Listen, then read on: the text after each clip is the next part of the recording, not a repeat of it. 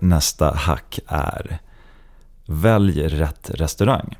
Mm. Alltså jag gillar, som jag nämnde tidigare, att äta gott när jag är på resor. Det behöver inte vara den finaste restaurangen utan det kan vara någon så local street food variant. Men bara någonting som sticker ut som är lite häftigare. Så att det knepet som jag använder mig om, och det, och det vet jag att det är många som gör världen över. Men om det är någon som har missat det här, eller som behöver påminnas, så lyssna på det här nu. Ja.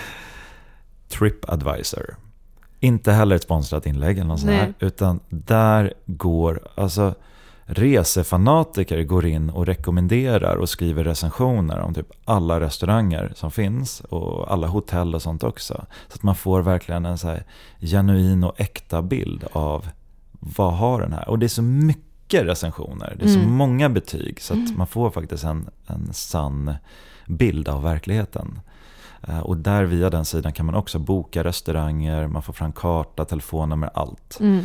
Så att där hämtar jag mina restaurangtips ifrån. Ja men det är grymt. Och jag skulle också tillägga där att faktiskt boka i förväg.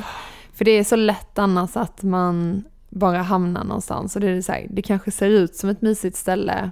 Dålig mat, hö, alltså så här, turistpriser. Mm. Så det tror jag också att man ska planera resan. Och sen kunna faktiskt boka bord och sen befinner man sig i en helt annan stadsdel eller att dagen inte blev som man hade tänkt sig, då ringer man och avbokar. För så funkar ju liksom restaurangbokningar.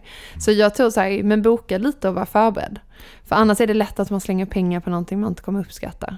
Ja, för annars är risken så här, men vi, vi går in i stan och så tar vi någonting som dyker upp. Ja. Men vad är det som dyker upp? Ja. Jo, det är de riktiga turistfällorna som ligger på de mest attraktiva platserna. Exakt. Men de behöver inte ge bra service, de behöver inte ge bra mat. Nej. För att de har en top location. Exakt.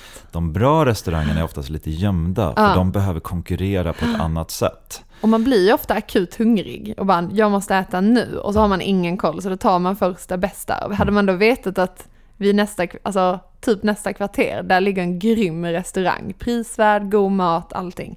Klockrent. Ja. Vi åkte faktiskt på en sån i Paris nu.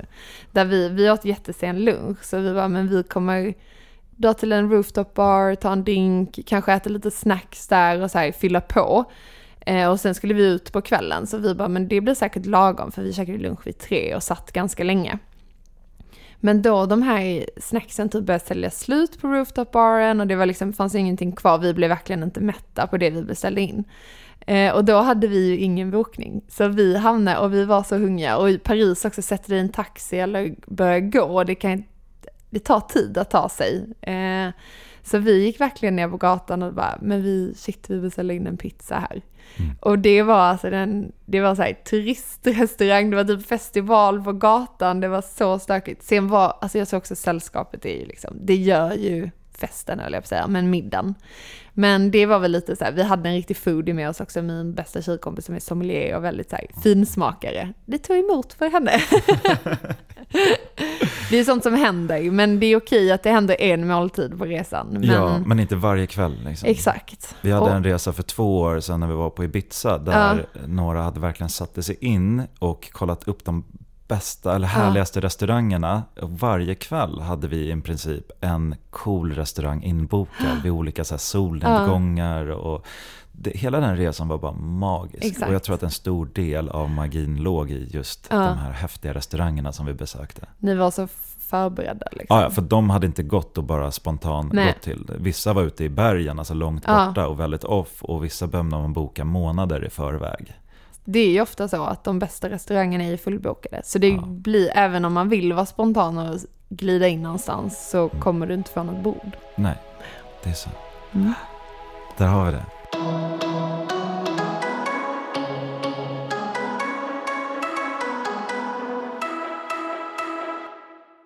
Ny säsong av Robinson på TV4 Play. Hetta, storm, hunger. Det har hela tiden varit en kamp. Nu är det blod och tårar. liksom. Fan händer just. Det. är Detta är inte okej. Robinson 2024, nu fucking kör vi! Streama söndag på TV4 Play.